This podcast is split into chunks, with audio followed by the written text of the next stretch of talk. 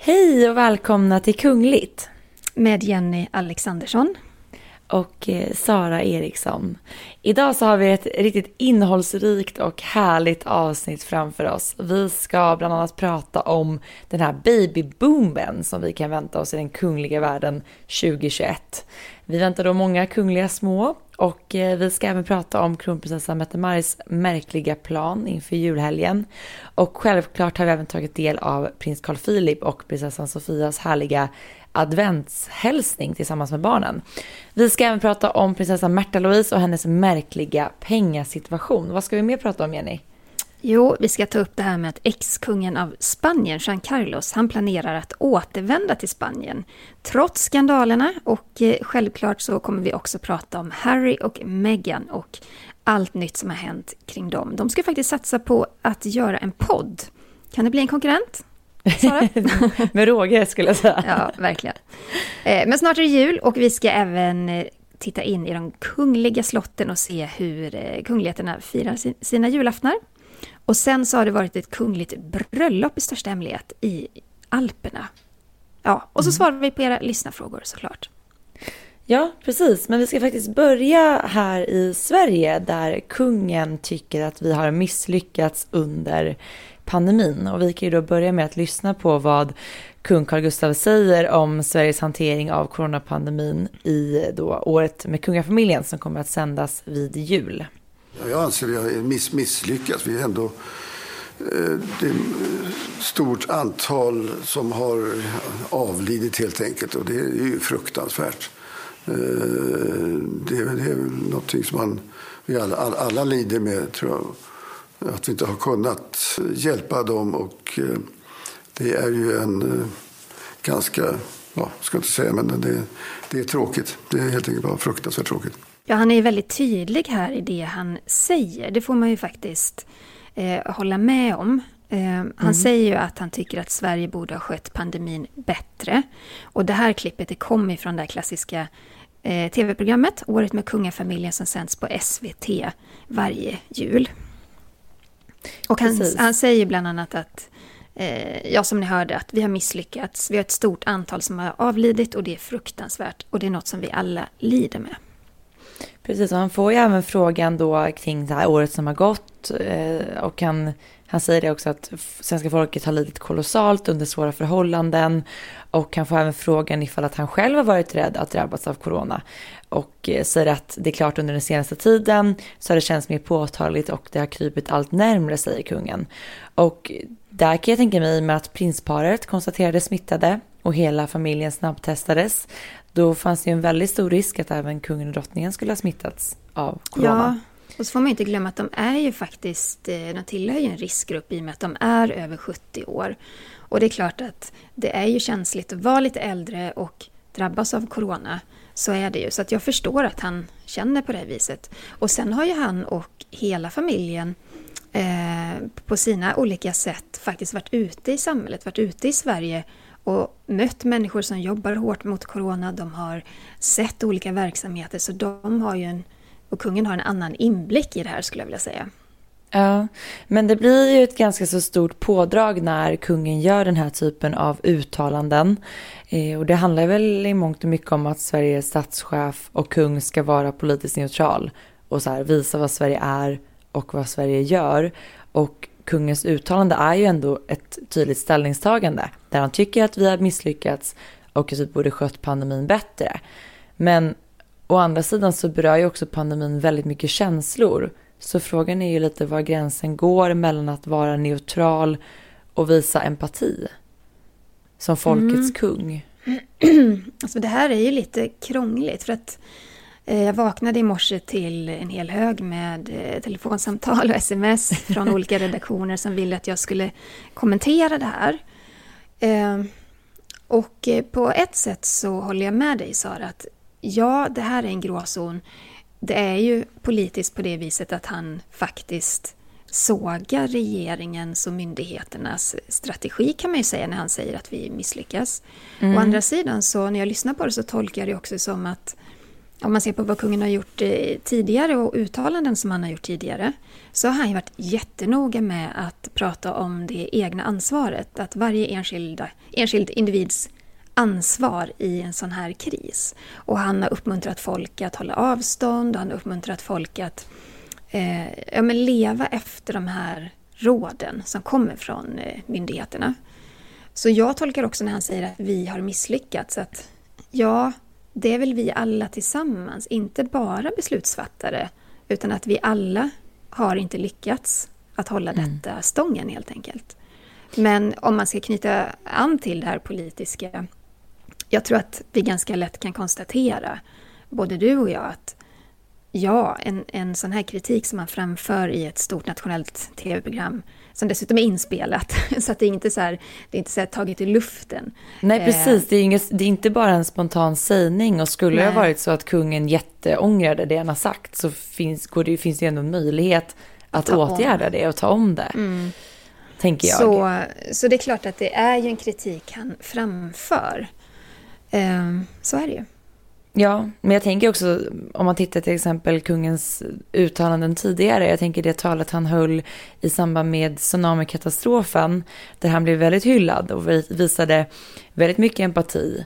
Ehm, det här är ju, det är väldigt många som har fallit offer för pandemin. Det är väldigt många som har förlorat sina liv och det är eh, väldigt många som har förlorat nära och kära som de aldrig fick chansen att ta farväl av. Så att det är väldigt svårt att veta vad som, som sagt, vad som är att visa empati och vad som blir ett politiskt ställningstagande. Mm. Men det, det, alltså när man följer medieutvecklingen nu på förmiddagen så tycker jag ändå att man, man ser att det är mycket kritik mot kungen som vår statschef som förs fram. Att han mm. ska vara försiktig med sådana här uttalanden. Och eh, jag, jag tycker att det här är en gråzon. Det är klart att han ska vara försiktig. Det är kritik han framför. Ehm, men det här är en situation vi aldrig någonsin har varit i tidigare. Det här är en pandemi som berör oss alla på något sätt. Och ehm, ja, kungen tycker uppenbarligen att det är ett misslyckande. Ehm, frågan är på vilken nivå han gör det. För just nu så tolkar jag alla hans uttalanden som att det är kritik mot regering och myndigheter. Men å andra sidan så hade det också blivit en himla kritik. Jag menar, Året med kungafamiljen är ett program som handlar om att liksom summera det året som har gått. Och det går inte att summera 2020 utan att prata om pandemin. Eh, hade han då inte visat empati hade ju det också varit väldigt fel. Så att det är svårt. Jo, fast det handlar mer om ordval här. Ja, precis. Eh, hade man då sagt klart, att vi som att... folk har misslyckats hade det varit en helt annan grej.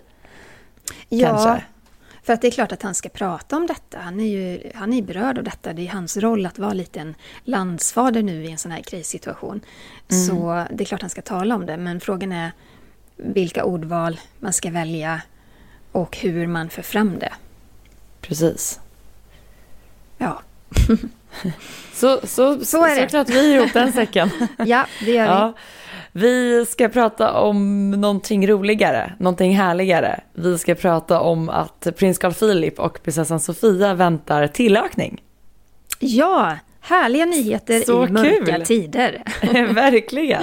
För det var i fredagen den 11 december så kom då det här beskedet från kungahuset. Och det är ju att prins Carl Philip och prinsessan Sofia de ska få sitt tredje barn. De har ju sedan tidigare eh, Alexander som är fyra och ett halvt och Gabriel som är tre. Så hov skickade ut det här meddelandet eh, och där var det också en kommentar från prinsparet att de gladde sig väldigt mycket och att det här barnet ska komma då i månadsskiftet mars-april. Mm, det var en väldigt fin bild också på paret som publicerades i, i samband med den här glada nyheten. Men det betyder ju också att de har hållit graviditeten hemlig ganska länge. Eh, runt femte månaden måste ju Sofia vara i nu. Ja, eh, det, det, är ju ett val såklart att göra det. Och det är mycket lättare att ta det valet i sådana här tider när man inte syns så mycket i offentliga sammanhang såklart. Precis. Eh, annars brukar de ju gå ut med det ganska tidigt. Det brukar vara runt tre, fyra månader i alla fall i kungliga sammanhang.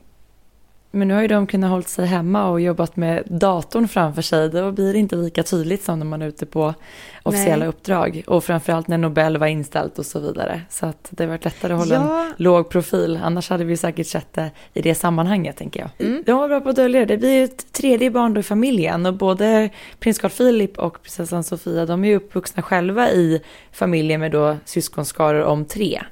Så att det kan kännas naturligt för dem att ge Alexander och Gabriel ett syskon till. Ja. Men det finns ju någonting som är väldigt spännande med det här, eller hur Jenny? Ja, men det gör det ju. Eh, om, det, om ni hör att någonting kluckar så är det min tekopp som står och vinglar här på bordet. Men eh, det jag skulle säga är att eh, det här är faktiskt första barnet som inte föds in i det kungliga huset. Mm. Eh, för det är ju så att för en tid sedan så tog ju kungen ett beslut att eh, barnbarnen undantaget då kronprinsessans barn, eh, ska då inte vara en del av kungahuset. Det är den officiella delen av den här kungliga världen.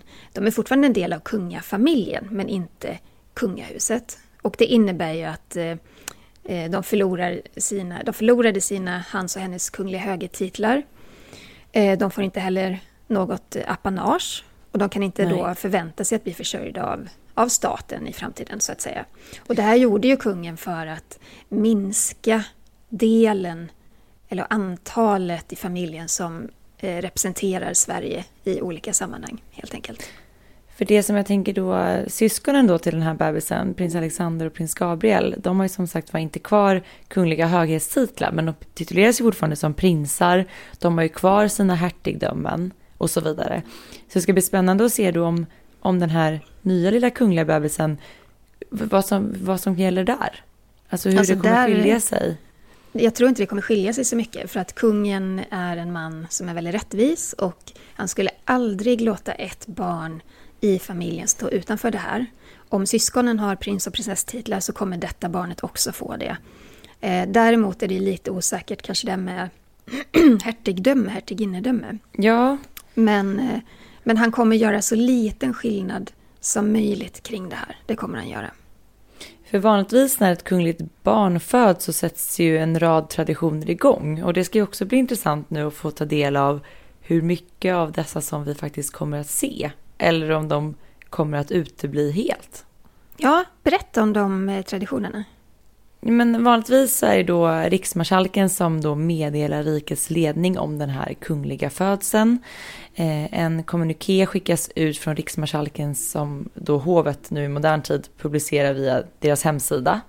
Och sen står ju också Försvarsmakten redo. Det skjuts ju salut från Skeppsholmen i Stockholm, ifrån Boden, Härnösand, Karlskrona och och Göteborg. Och när Estelle föddes, som är då först född till tronföljaren, så avgavs ju salut i två salutomgångar. Och vid de här andra kungliga födslarna så avfyrades 21 salutskott. Det är frågan om det blir någonting sådant den här gången, eller om det uteblir. Vad tror du, Jenny? Alltså det, här, det är egentligen helt omöjligt att, att svara på. För att det, här, är no, det här är beslut som, som kungen måste ta. Och eh, som jag sa innan, han han kommer ju vilja att det är så rättvist som det bara går mellan barnen. Ja. Eh, även fastän det här beslutet har tagits då om att eh, barnbarn inte ska ingå i det kungliga huset. Eh, men det är klart att salut till exempel, det skjuts ju när ett barn föds och är en del av tronföljden. Och det här barnet det kommer, kommer vara, vara mm. en del av tronföljden. Så därför tror jag också att det kommer skjutas en salut. En vittnesbekräftelse, det har man ju också för att ett barn i tronföljden har fötts. Så jag tror att det här kommer göras med det barnet också. Sen är frågan hur officiellt det kommer vara. Om det, om det liksom kommer eh, basuneras ut. Eller om, vi, om det kommer vara ett pressmöte med, det är ju talmannen, det är ju statsministern, det är ju riksmarskalken och överhovmästarinnan som då mm. gör den här vittnesbekräftelsen. Så där får vi där väl se vi lite ju... grann ifall de kommer att kalla till ett pressmöte och berätta om detta, eller om man håller det lite mer nedtonat helt enkelt. Jag tänker som Leonor, hon föddes ju i USA och då var det faktiskt läkarna som utförde den här vittnesbekräftelsen. Så det blev ju på så sätt lite mer low key. Eh, så frågan är om det kanske Fast där hade, det mer att göra att, där hade det mer att göra med att de befann sig i ett annat land, på en annan kontinent. Så det var jo, men exakt. för Men jag menar bara att det går ju ändå att genomföra. Ja. Om de vill. Ja, men precis. Ja, ja, jo, men alltså, här tror jag verkligen man håller på regler och eh, eh, på, på rättvisa. Alltså, eh, om man, jag tror inte det handlar om om man vill, utan jag tror att man kommer liksom se till, ska, är barnet en del av tronföljden, då är det vissa grejer som eh, ska till, helt enkelt. Mm. Så det handlar, inte bara om ett, det handlar inte bara om ett val, vad man känner för, utan eh, man håller liksom på traditionen. Ja, och kungen kommer troligtvis hålla då en konselj för att informera om, om dess namn och där frågan då om de får något hertiginne eller hertigdöme, eh, även om det inte är kunglig höghet. Det får vi se. Mm. Mm. En tacksägelsegudstjänst, Dium, lär ju säkert, säkerligen hållas också, likt det har gjort vid alla andra födslar. Ja, det tror jag också. Jag tror bara att eh, frågan kommer vara hur officiellt det här sker, helt enkelt. Och det är egentligen exakt samma sak då med dopet, för det har ändå varit ett ganska så stort, eller mediebevakat, bevakade kungadop tidigare. Mm. Ja, det blir spännande att se. Man tycker, ja, ändå om att, man tycker ändå om att följa eh, de här små barnen. Jag vet att det var en diskussion kring ifall eh, jag tror det var Madeleines yngsta barn där, när det skulle döpas, ifall det skulle sändas på SVT eller inte.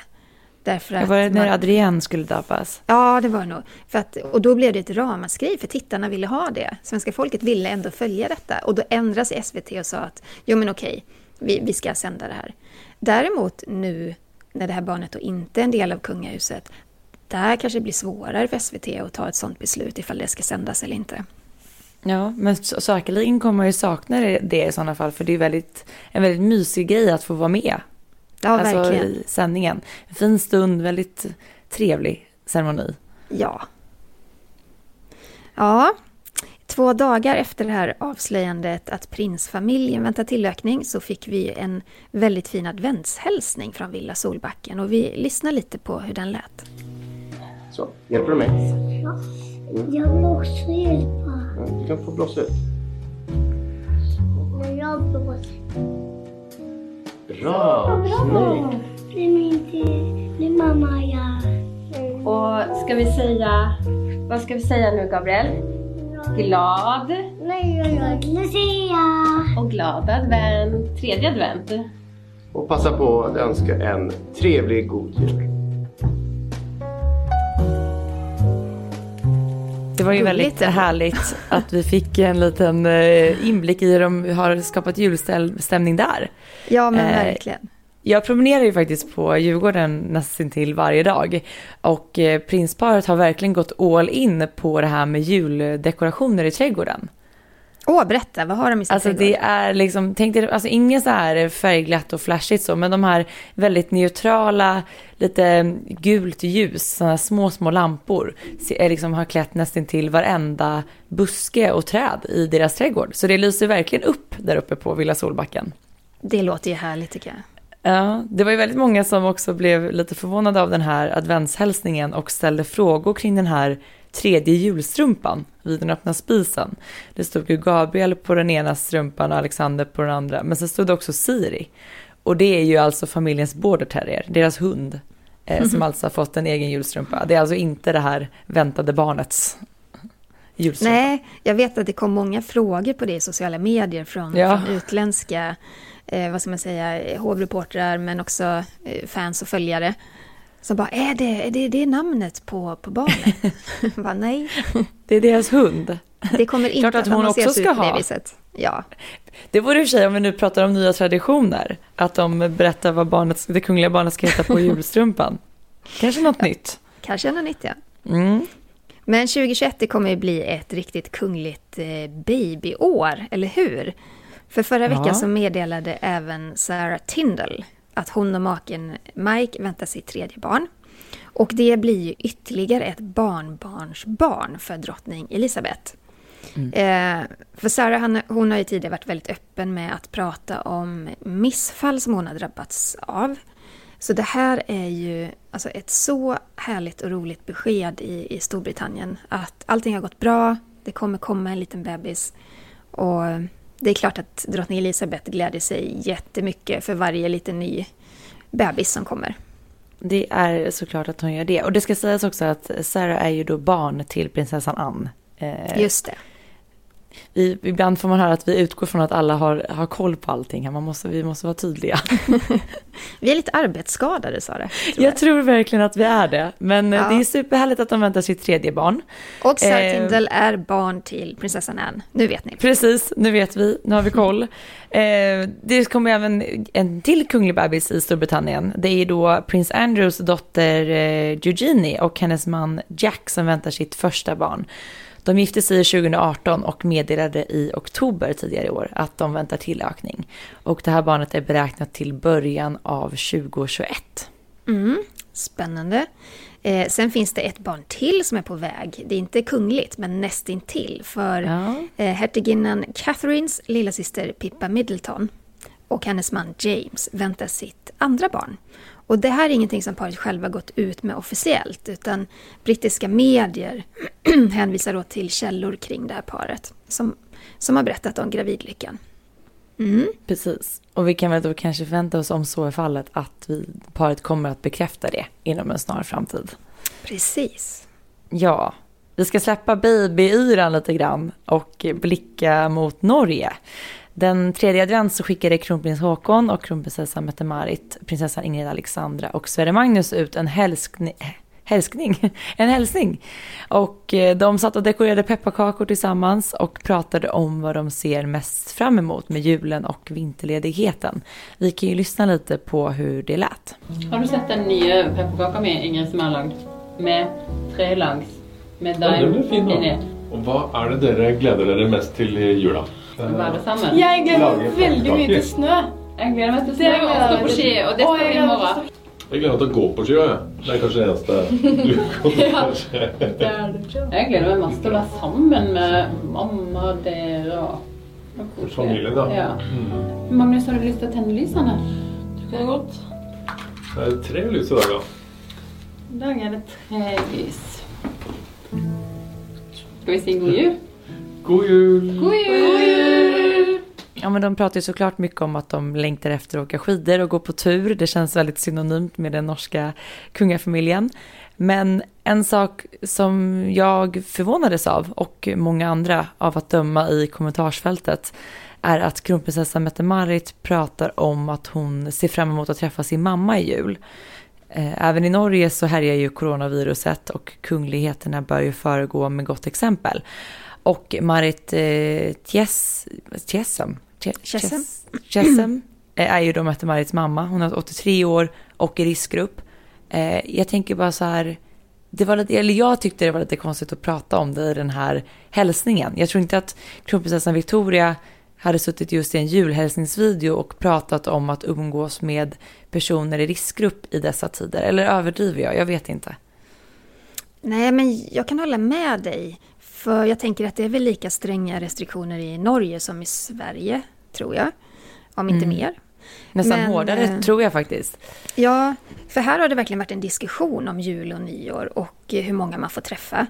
Men jag tänker också så här att är man försiktig, om kronprinsfamiljen håller sig isolerade någon vecka innan de träffar mormor och morfar, så går det säkert fint. För jag tänker att det är ju på samma sätt som vi resonerar här, att kan man klara av att hålla sig eh, smittfri så gott det går, så har ju myndigheterna här också sagt att man kan liksom i en liten bubbla fira tillsammans.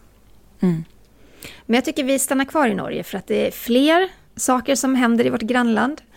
Eh, enligt norska Se och Hör så ska prinsessan Märta Louise inkomster ha eh, minskat drastiskt de senaste åren. Och hennes registrerade förmögenhet är just nu nästan på noll kronor enligt då norska medier. Och då kan man jämföra det med att 2017 då hade man noterat eh, att hon hade runt i alla fall 5 miljoner kronor i förmögenhet. Men att de pengarna helt enkelt är borta. Man har inte kunnat se eh, helt enkelt dem, eller vart de tagit vägen. Och enligt då norska Se Hör så betyder de här nya siffrorna att, att Märta Louise då har liksom mer skuld än, än pengar på, på banken. Och vi har ju tidigare pratat om Märta Louise ekonomiska situation i tv-programmet Kungligt med Jenny Alexandersson. Och det är ju så här att Märta Louise hon försökte ganska länge sälja sommarhuset Bloksberg. Och det är ett otroligt vackert hus som ligger vid, vid havet. Det har tillhört norska kungafamiljen i ungefär 70 år. Och jag tror att Märta Louise fick ärva det av sin pappa. Eh, och att hon skulle sälja det här huset, det var ju lite skandalrubriker kring, för det tyckte väl norrmännen inte var så fint gjort. Och det var svårt att sälja huset, det tog tid. Märta Louise Två hon fick år, sänka, va? Ja, hon fick sänka Mm. priset med hela 10 miljoner för att få det sålt. Och som sagt, det tog nästan två år innan en, en köpare dök upp helt enkelt. Var det lite en konsekvens av den här Änglaskolan då som lades ner? Det var ju i samband med det som hon valde att sälja huset. Alltså jag vet inte. Jag, jag ställer mig ganska så här, frågande till Märta Louise eh, ekonomiska situation och om de här siffrorna som man ser nu i norsk press, om det är liksom bara en liten del av, av liksom kapitalet hon sitter på. För att i Sverige så har ju kungabarnen egna förmögenheter. Och då vi fortfarande hade förmögenhetsskatt, då kunde man ju kontrollera och se hur mycket, det var ju officiella uppgifter. Och senast tror jag var 2006. Och då vet jag att kungafamiljen var god för en halv miljard. Och det är ju väldigt mycket mer pengar nu kan man ju säga, så många år senare. Och svenska kungabarnen, de hade ju också ett privat kapitalförvaltningsbolag som hette Gluonen. Och 2018 så gjorde det företaget en vinst på 3,2 miljoner kronor. Och det ägs då av Victoria, Carl Philip och Madeleine och en liten del ägs av kungaparet. Så att alltså i den svenska kungafamiljen så har kungabarnen, de har resurser. Det finns privata stora förmögenheter. Så det låter så himla konstigt att prinsessa Märta Louise pengar är slut, om det är den slutsatsen man ska dra av det. Och jag tänker på något sätt ändå att det, det kan ju inte vara någon fara på taket. För det finns ju pengar i familjen, men det är ändå anmärkningsvärt tycker jag. Vad tänker Ja. du Sara? Nej men verkligen och sen undrar jag lite så här, nu har ju Märta Louise ändå valt att gå den här mer privata vägen så att hon har släppt böcker, hon har turnerat ihop med sin pojkvän Shaman Darek, alltså det måste ha genererat i, i någon form av intäkt också, tänker jag. Mm. Så att det skulle vara noll känns märkligt. För hon Nej, sysslar en- ändå med mycket egna projekt. Ja men verkligen, och jag tänker att en lösning i och med att hon då har jobbat tillsammans med shamanen är att de, de inkomsterna kanske är placerade utomlands istället i och med att han är ju amerikan. Det Just kanske det. är liksom via hans bolag eller på något sätt. Jag vet inte, men, men visst är det lite, ja, lite märkligt ändå. Ja, men det får man lov att säga. Vi väljer ändå att prata om det, så att någonting är det ju som får oss att reagera. Mm. Så är det. Ska vi ta ett hopp till Spanien kanske? Ja, men det, det ska vi göra. Och där har vi en annan omskriven kunglighet. Det är ju ex-kungen av Spanien, Jean Carlos. Vi har ju pratat om honom många gånger tidigare i podden. Och om du som lyssnar vill höra mer om den här skandalomsusade kungen så kan vi tipsa om att lyssna på ett tidigare avsnitt som heter Ex-kungens trubbel med rättvisan. Och det publicerades den 15 maj tidigare i år. Men vad är det som händer? Han alltså, ex-kungen han lämnade, han lämnade Spanien i augusti tror jag det var och befinner sig nu i självvald exil i Mellanöstern. Och som vi pratat om tidigare så har ju kungen mycket kontroversiella kontakter med Mellanöstern. Och han står ju faktiskt anklagad för korruption och pengatvätt. Ja, men det gör han. Och det här var en, en riktig skandal. 2008 så hade den här saudiska kungen Abdallah försett Jean Carlos med 100 miljoner dollar via ett offshorekonto i Panama. En så kallad gåva. Det var en Eh, generös gåva. Ja, och den sammanföljer väldigt lägligt med att flera spanska företag vunnit upphandlingar om att konstruera en höghastighetsjärnväg mellan Riyadh och Medina i Saudiarabien.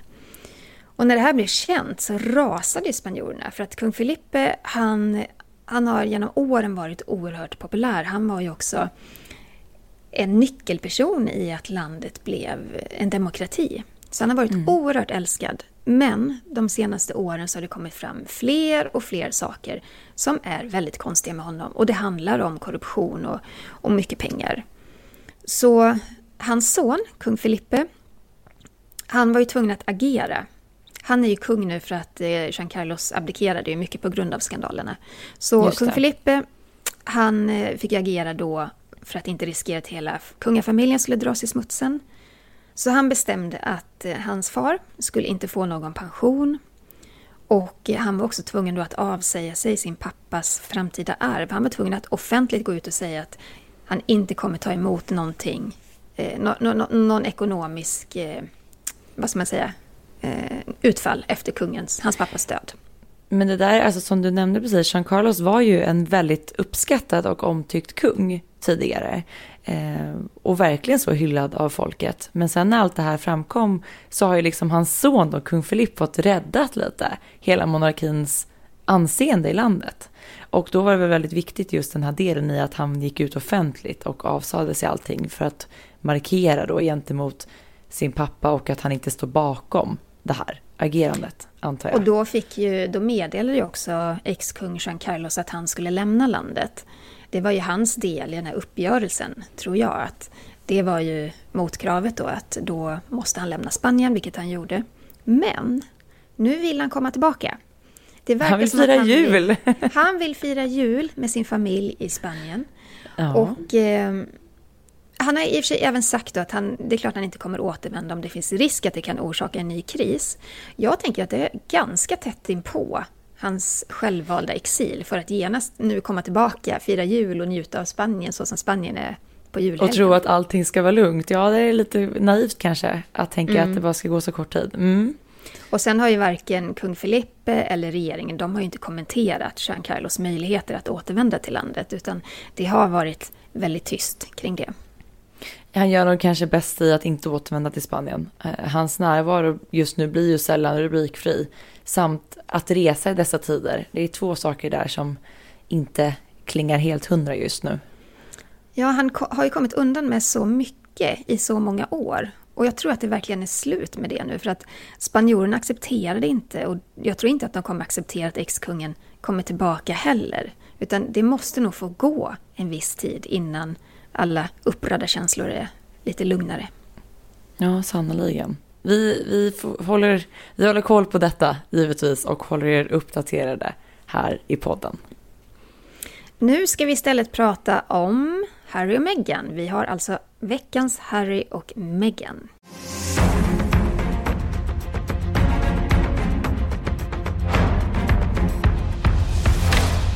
Ja, vi har ju tidigare pratat om parets monsterdeal med streamingtjänsten Netflix. Något som genererat enormt stora summor pengar för paret och som inte uppskattas av brittiska kungafamiljen. Vi pratar alltså om runt en miljard kronor. Eh, och som ni vet så är det ju faktiskt Netflix som ligger bakom serien The Crown som inte direkt glorifierar hovlivet och som dessutom utmålar Harrys pappa Charles lite som skurken i dramat mellan honom och Diana. Och eh, vi har pratat om det mycket, att Harry och Meghan valt att börja jobba med Netflix. Det är märkligt och det ifrågasätts. Men det är ju inte slut där, för att i veckan fick vi nya uppgifter, eller hur Jenny? Ja, i veckan meddelade paret att de har gjort en ny stor deal. Och den här affären har de gjort med svenska Spotify. Och Harry och Meghan kommer starta en podcast som heter Archwell Audio. Och eh, då är det ju tanken att Harry och Meghan då ska producera Eh, poddar. De ska också eh, programleda den här podden. Men inte hela tiden för att de ska också bjuda in gäster. Och eh, tanken är att de ska dela erfarenheter och olika personliga berättelser. Och de har ju, de gick ut med något meddelande om att eh, det har ju liksom med att stötta människor och att liksom få människor att connecta med varandra. Så som de sa på liknande sätt när de gjorde den här monsterdealen med Netflix. Just det. Och den här podden den ska ha premiär under 2021 men smygpremiärar redan nu innan jul därför att det ska komma en högtidsspecial eh, som ska sändas då innan året är slut. Och den här trailern den finns faktiskt ute nu så man kan tjuvlyssna. Ska vi göra det Sara? Vi lyssnar lite. Ja men vi måste ju lyssna lite på hur det lät. Should we, should we start? No? Ladies first? No, say it because I think it sounds really nice with your accent. Well, Archwell Audio? Arch, yeah. Archwell Audio. I mean... Really? Shall we? Yeah, let's do it. Hi, guys. I'm Harry. And I'm Megan. One of the things my husband and I have always talked about is our passion for meeting people and hearing their stories. And no matter what the story, they usually offer you an understanding of where someone else is coming from. And at the same time, remind you in some way of a story about yourself. And that's what this project is all about to bring forward different perspectives and voices that perhaps you haven't heard before and find our common ground. Because when that happens, change really is possible. And you know, this is also a moment to celebrate kindness and compassion, something we saw in so many places this year, and which will underlie everything you hear from Archwell Audio. So that's what we're up to. And first up is a holiday special. Ding, ding, ding, ding, ding, ding, ding, ding. We're so excited. So follow and listen for free only on Spotify. We'll meet you back here soon. Happy holidays. Cheers.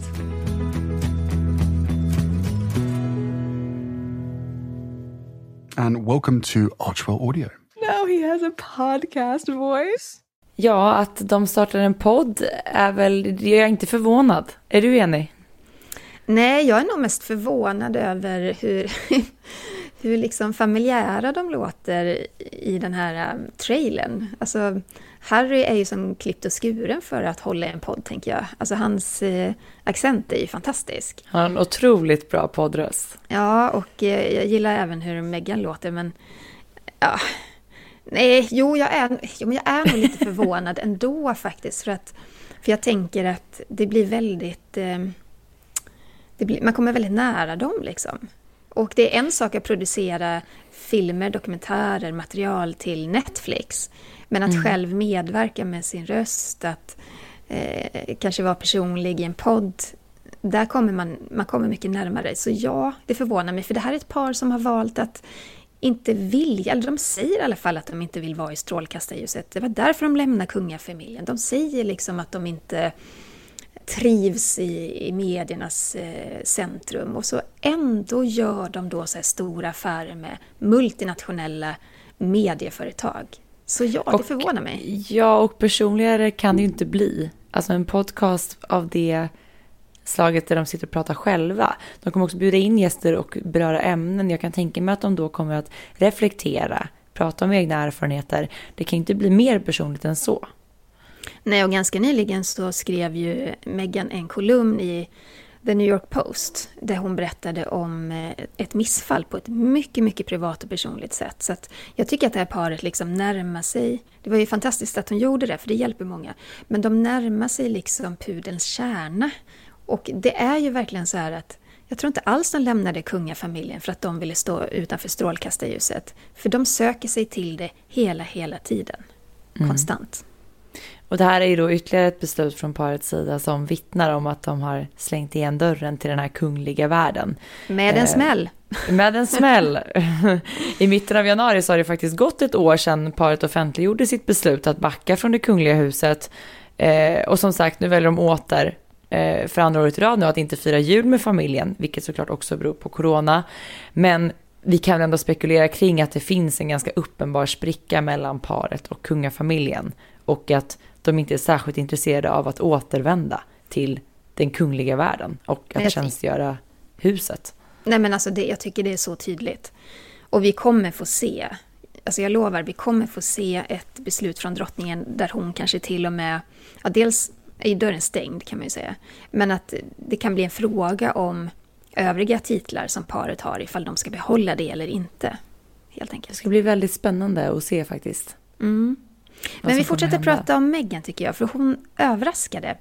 Hon deltog i ett digitalt eh, samtal i CNN Heroes, an All-Star Tribute, ett eh, tv-program som sändes tidigare i veckan i USA. Eh, visst var det i USA? Ja, det var i ja. USA. Mm. Mm.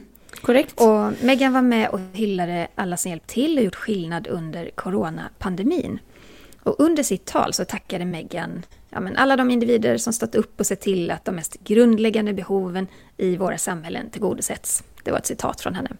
Mm. Och Meghan sa även att det senaste året varit, citat, universellt utmanande för alla, slutcitat. Och det kan man ju verkligen hålla med om. Sannoliken. Och hon pratar ju även om just här hur, hur människors rätta sidor eh, lätt visas under en sån här tid. Och hur ändå alla har samlat sin enad kraft under det här utmanande året.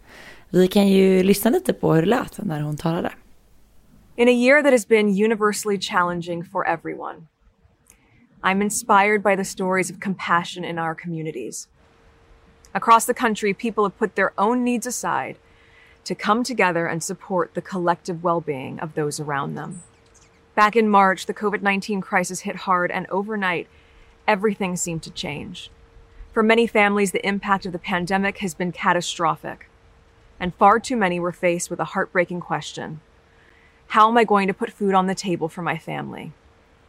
But in the face of this devastating reality, we also saw the power of the human spirit and the remarkable ways that communities respond in challenging times. We saw the good in people, in our neighbors, and in entire communities coming together to say they would not stand by while our neighbors went hungry. We saw communities standing up and taking action. Tonight, we are celebrating these quiet heroes, some of whom I know, and others that we applaud from afar. These individuals stood up and made sure the most basic needs of our communities were met. They made sure that those around them did not have to suffer in isolation. They nourished their neighbors in more ways than one. And they showed us, all of us, that even in the darkest times, when we come together, we have the power to remind someone else that there is hope and that we will be okay. Hon är väldigt bra på att göra såna här tal, eller uttalanden. Mm. Ja, det är hon hon. är lugn, eh, trygg. Man märker att hon har ju hela sin skådespelarkarriär i ryggmärgen i att kunna föra fram ett budskap. För hon gör det väldigt bra. Det gör hon verkligen. Och det var kul att se henne igen. Mm.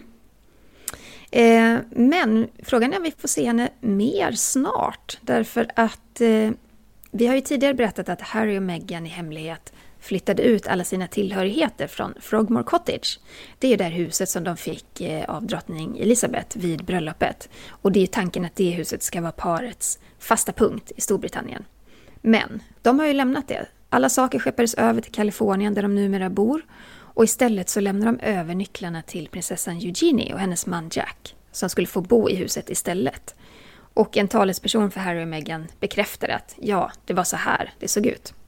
Men nu avslöjar The Sun att Eugenie och Jack har lämnat Frogmore efter bara sex veckor i huset. Så de flyttade in, bodde där sex veckor och nu har de flyttat tillbaka till sin gamla bostad i Kensington Palace. Och det här har skett under jättestort hemlighetsmakeri. Och Ja. brittiska hovet, de har ju inte kommenterat den här händelsen. Så det är än så länge bara källor till brittiska medier som, som pratar om det här. Men det Alltså, jag tror att jag har svaret. Ja, berätta. Jag tror att det spökar. Nej, tror du? På, jo, jo, på Frogmore Cottage. Det är ingen som vill bo där. Helt säkert. Wow. Georgini och Jack tänkte att de skulle flytta in nu i och med att de Ja. ska få barn här i början av 2021. Och var säkert superglada över att komma ifrån city lite grann. Eh, och få flytta in i det här. Det är ett väldigt fint och stort hus ska sägas. Och lyxrenoverat. Det är lyxrenoverat, vilket också Harry och Meghan har betalat tillbaka skattepengarna som gick åt till det här i och med att de lämnade kungafamiljen. Men jag tänker att Georgina och Jack då flyttade in och kände nu att nej, här kan vi inte bo. Jag. spännande. Ja. Ja, men det är kanske ingenting som eh, vi får se ett kungligt uttalande angående, känns det som. Nej, jag funderar på om det kan vara så att Eugenie och Jack flyttar in till stan under julhelgerna för att de ska fira jul där. Kanske mer troligt, ja. Men att de kommer återvända till Frogmore. Vi får se, vi får se helt enkelt. Men om de inte återvänder, då finns det bara ett svar. Mm, mm. Då lyssnar vi på dig Sara. Ja. Yes. Vi stannar kvar i, eh, i Storbritannien. Eh, drottning Elizabeth tog ju faktiskt del av en jul, julkonsert i Windsor Castle för att hylla och tacka alla volontärer och också så här, nyckelspelare som tagit landet genom pandemin. Och det här var ju ett såklart coronasäkert evenemang med stora avstånd, det var ansiktsmasker och det var en väldigt liten skara gäster. Och eh, drottningen fick ju faktiskt sällskap av stora delar av familjen. Vi såg eh, hertigparet av Cornwall, prins Charles och Camilla, hertigparet av Cambridge, prins William och Kate, samt eh, greveparet av Wessex, prins Edward och Sophie, samt prinsessan Anne. De som saknades var ju skandalprinsarna Andrew och Harry. Vi ser inte dem ofta längre. Nej, inte nu längre. Andrew är ju bannlyst i stort sett och Ja. får inte vara en arbetande kunglighet. Nej. Men jag tänker att det här är ju det är liksom ja, första och sista gången då som drottningen kan samla så många från sin familj i jultid. Och det är på grund av corona att drottningen är i isolering. För hon har ju bestämt att hon och prins Philip, eh, de kommer fira jul själva på Windsor Castle. Vi har ju också berättat att eh, prins Andrew och Sophie eventuellt ska fira med eh, kungaparet. Men det, det lutar mer och mer åt, enligt brittiska medier nu, att, att det blir prins Philip och drottning Elizabeth själva helt enkelt. Mm. Men då var det ändå kul att de kunde ses vid det här evenemanget som var eh, lite mer coronasäkrat då. Så att de får, mm. det finns ju såklart, liksom i våra jultraditioner har ju även kungligheterna sina många traditioner. Så att det blir en annorlunda jul även för dem. Det blir det ju. Och alla kungligheter har ju fått ställa om sitt arbete i pandemin.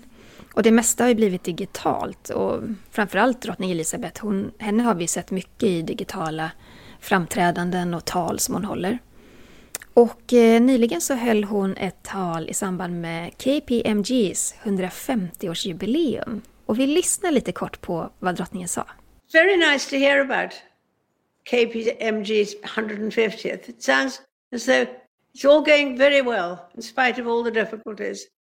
It is, it is difficult when people are used to being so close to each other and, and it's been, you know, everybody's been divided up so much. Well, thank goodness for technology, so one can still do this. Nej, men är inte det här det gulligaste man har hört drottning Elisabeth säga? Tacka gud för teknologin. Jag tycker att hon är så söt här. hon är jättesöt. Jag, jag gillar verkligen att höra hennes röst också, för att hon är väldigt... Hon, man kan ju uppfatta henne som stram ibland, men när man lyssnar på henne så... I det här sammanhanget så låter hon väldigt varm och härlig, tycker jag. Jag tycker ofta man, man märker av det där, så drottning Elizabeth har ju en väldigt hård fasad. Mm. Eh, men hon har också väldigt nära till skrattet och humorn. Mm. Ja men verkligen. Den liksom sipprar igenom oftare än vad man faktiskt tror.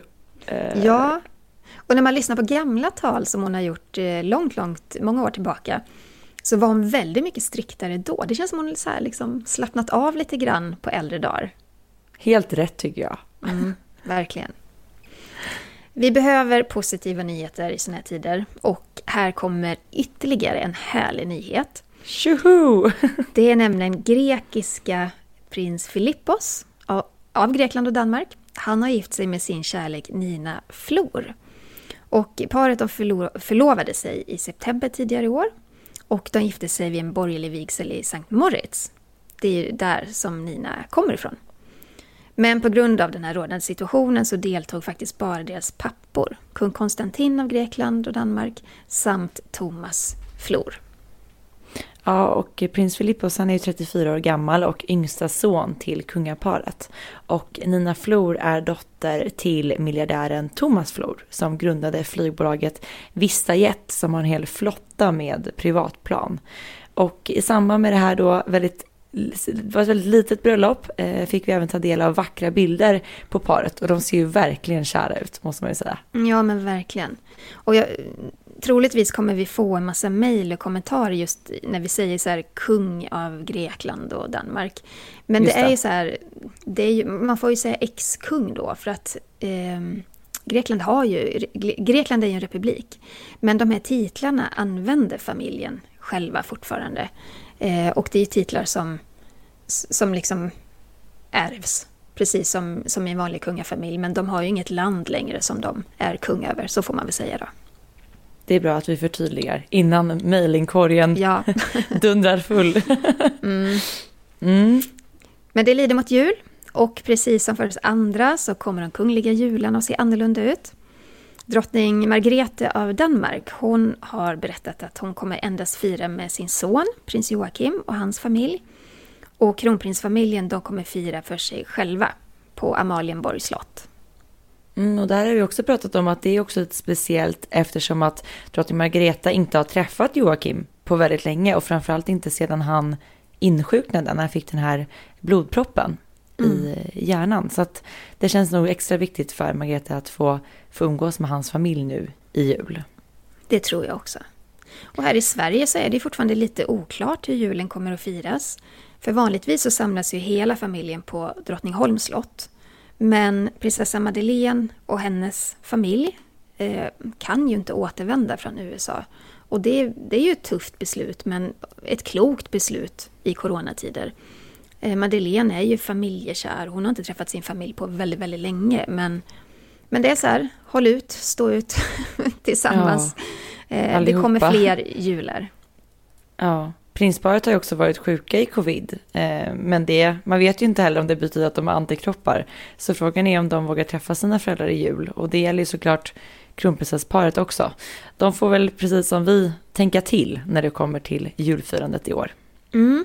Och där kan vi passa på att tipsa er om att titta på tv-programmet Kungligt med Jenny Alexandersson, julspecial.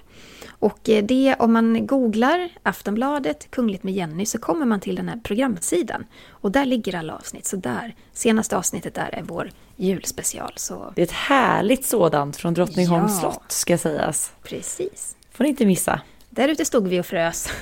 Det var så himla kallt. ja, men, Men det blir bra. Mm. Vi ska svara på uh, lyssnarfrågor och vi vill gärna att ni skickar in fler frågor till oss och det gör ni på kungligt.aftonbladet.se. Mm.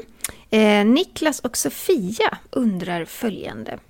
Det är alltså två som har ställt samma fråga här.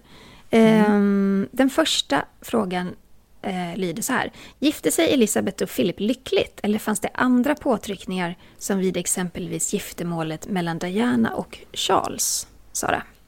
Men jag måste ju börja med att ta, jag vet ju vem Niklas som har ställt frågan är. Det är en gammal god vän till mig och han har alltid varit den som har stöttat mig allra mest i mitt kungliga arbete. Han har verkligen varit en klippa. Ja, vad fint. Han har liksom pushat mig till att våga ta det här steget när jag var yngre. Vi gick i samma gymnasium ihop. Åh, Så Niklas, väldigt då gillar jag dig också. Mycket kärlek till Niklas. Ja. Och de har ju de här frågorna till oss då, för de har ju precis som många andra börjat kolla på The Crown. Mm. Eh, så de undrar väl då kring det här med Elisabeth och Philip. Eh, Ja, berätta väl- om dem. Ja, men de träffades ju faktiskt redan när drottning Elisabeth var 13 år gammal. Eh, Philip var ju prins av Grekland och Danmark. Han var en ung prins, men utan land, utan familj och utan någon större förmögenhet. Och eh, han var heller inte medlem i engelska kyrkan, så många i Storbritannien såg ju lite på den här mannen med viss misstro. Och det fanns även de som misstänkte att den här Mountbatten-släkten i praktiken ville på ett sätt erövra kungamakten i England. Men Elisabeths pappa då, George den sjätte, han gillade verkligen Philip och han bjöd ofta över honom till Windsor under hans tid i flottan. Och julen 1943 firade faktiskt Philip på Windsor med Elisabeths familj. Och då var Elisabeth 17 år och den här gången var väl då de faktiskt fick upp ögonen för varandra på riktigt. Och visst passade det ju fint att två av Storbritanniens, eh, alltså drottning Victoria då, de är båda två barnbarns barnbarn. Här är- gäller det att hålla tungan rätt i munnen. Att det passade ju fint att de skulle gifta sig med varandra. Eh, men Elisabeths mamma då, drottningmodern, hon hade faktiskt en hel lista till Elisabeth med 11 stycken kandidater till dottern. Och där ska sägas att Filip inte direkt toppade listan. Men eh, efter 18 år då, efter deras allra första möte, så förlovade de sig. Och man kan nog säga att deras kärlek kanske mer var motarbetad snarare än framtvingad. Även om Elisabeth såklart hade väldigt stora krav på sig att gifta sig då med en man av rätt blod. Och särskilt, särskilt den tiden, tänker jag. För Precis. då var ju kungahusen väldigt måna om att man skulle gifta sig med andra kungligheter. Ja. Ehm, Så då kan Men man säga att man- hon ändå hade tur, för att hon var ju väldigt förälskad i honom redan från början. Men om man då jämför med Diana och Charles så är det ju egentligen två helt olika situationer. Eh, Det här blev snarare mer motarbetat än framtvingat och Diana Charles som vi har pratat om mycket tidigare, där hade ju Charles levt ungkarlsliv lite för länge tyckte man och han behövde bara hitta någon liksom lite snabbt. Eh, Mm. Och man tyckte att Diana passade bra in i den mallen. Det är så hemskt att man pratar om mallar men det var ju faktiskt så det såg ut på den tiden. Ja. Sara, du ska få fråga nummer två här också. Ska jag svara på den? Ja. Använder sig kungahuset sig av samma präst för alla bröllop, dop och begravningar undrar Niklas och... Eh, vad heter hon? Sofia? Sofia, Niklas och Sofia. Eh, nu får du hjälpa mig här Jenny om jag har fel, för jag är lite, själv lite osäker, men jag tror att det är så här. Att kungahuset i Sverige, om vi börjar i Sverige, har ju sin hovförsamling, där det bland annat finns då en överhovpredikant, en biskop, pastor, kyrkoherde och så vidare. Och vid, om man tittar på till exempel kronprinsessbröllopet så var det ju då ärkebiskop Anders Weiryd som vigde paret och vid prinsparets och prinsessparets bröllop så var det överhovpredikanten som vigde. Och alla dop har ju förrättats av sittande ärkebiskopen. Och överhovspredikanten tillhör ju då kungahusets hovförsamling och ärkebiskopen är ju Svenska kyrkans främsta företrädare. Och sedan 2014 så är det Antje Jak Jackelén. Jackelén heter hon. Antje Jackelén. Mm. Ja, och dessförinnan var det Anders Wejeryd. Så det är ju någonting som står ovan kungahusets makt, så att säga. Ja, Ja, jag håller med dig, helt och hållet. Vad skönt. Ja. Men om man tittar då i England så är det lite annorlunda, för där är ju faktiskt drottning Elisabeth kyrkans överhuvud. Eh, hon har ju ett helt annat inflytande över den engelska kyrkan. Hon är ju bland annat den som utnämner ärkebiskopar och biskopar. Och när de tillträder så svär de även en trohetsed för drottningen. Eh, men där har ju även då drottning Elizabeth med sin familj precis som i Sverige då, en egen hovförsamling. Men skillnaden är väl då egentligen att Elisabeth har ett väldigt mycket större och starkare inflytande över kyrkan än vad svenska kungafamiljen har.